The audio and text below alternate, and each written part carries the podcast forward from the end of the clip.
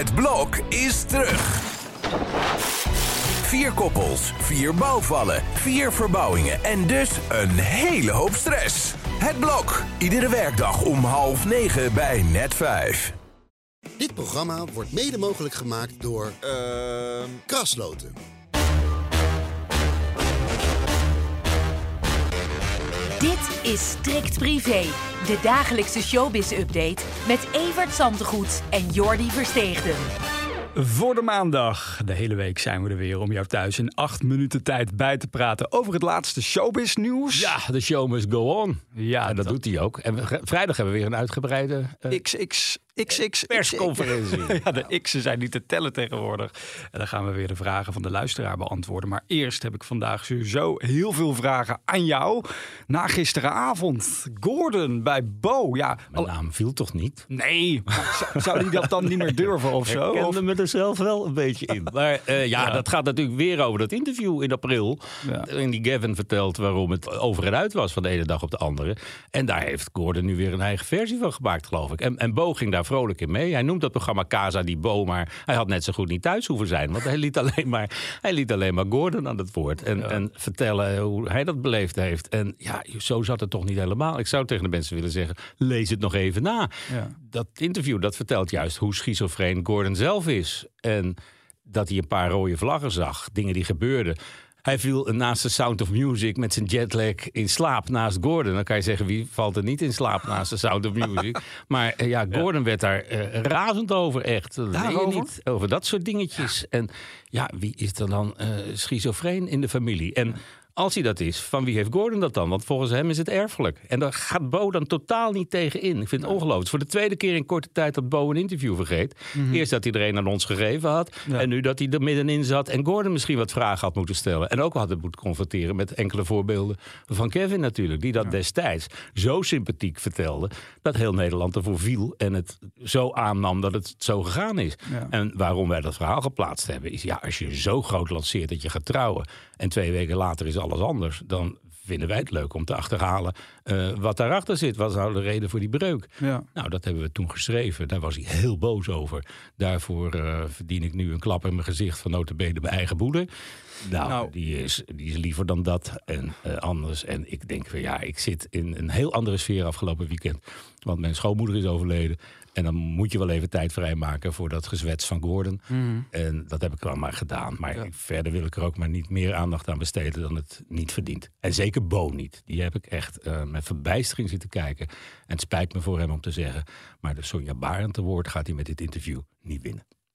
Zullen we hier dan maar een streep onder zetten en doorgaan? Ja, graag. Ja. Want dat ettert natuurlijk wel door. Maar één keer de hand in eigen boezem steken, dat zou Gordon niet hebben misstaan. Ja. Maar het is van hem zeker te veel gevraagd.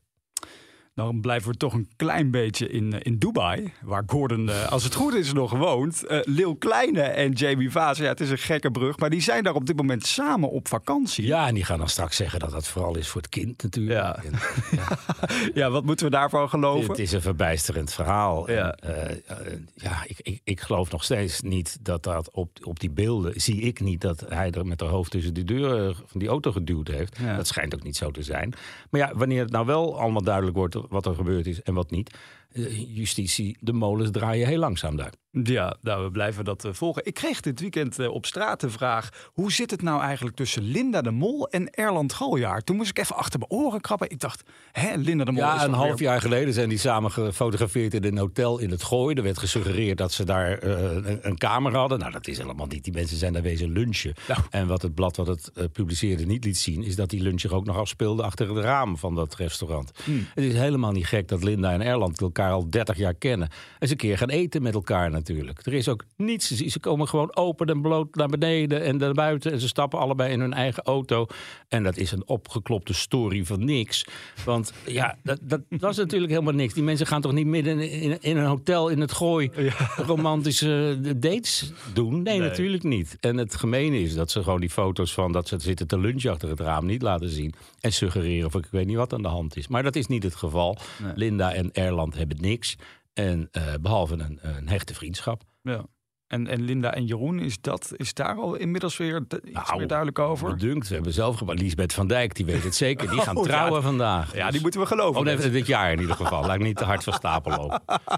Nou, heel benieuwd wat zij trouwens over de toekomst van Gordon voorspelt dan. Eh, Dave Rolvink, ja, die is eh, weer vrijgezel, maar die heeft wel weer een nieuw paleis. Nou, paleisje. Is- Ja, het is een mooi huis. Hij wordt de buurman van, eh, van, van, van zijn vader en Honoria in de PC Hoofdstraat. Daar gaat hij wonen. Ideale plek.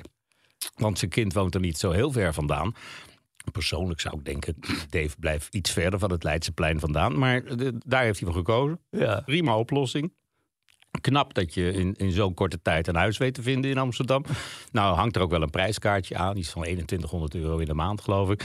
Maar ja, dan krijg je, je hoeft bijna geen boodschappen meer te doen. Want Dries en Honoria, die, eh, die, komen wel, eh, die komen wel langs om de koelkast te vullen met gezonde dingetjes. Ja. Dus eh, ja, nou, het is een nieuwe start van een nieuw jaar. Ja. Laten we hopen dat dat nieuwe jaar hem het geluk brengt waar hij eh, lang naar op zoek is. Ik eh, zag hem gisteravond wel nog beelden posten van een feestje waar hij, nou, ik denk vorig jaar ergens gedraaid heeft. En toen schreef hij erbij, ik, ik ga dit toch wel missen. Dus laten we wel hopen dat hij dan niet nu weer in dat oude patroon terechtkomt. Nee, nou, hij, is, hij is duidelijk op zoek met een nieuwe carrière als Ja. afkickcoach.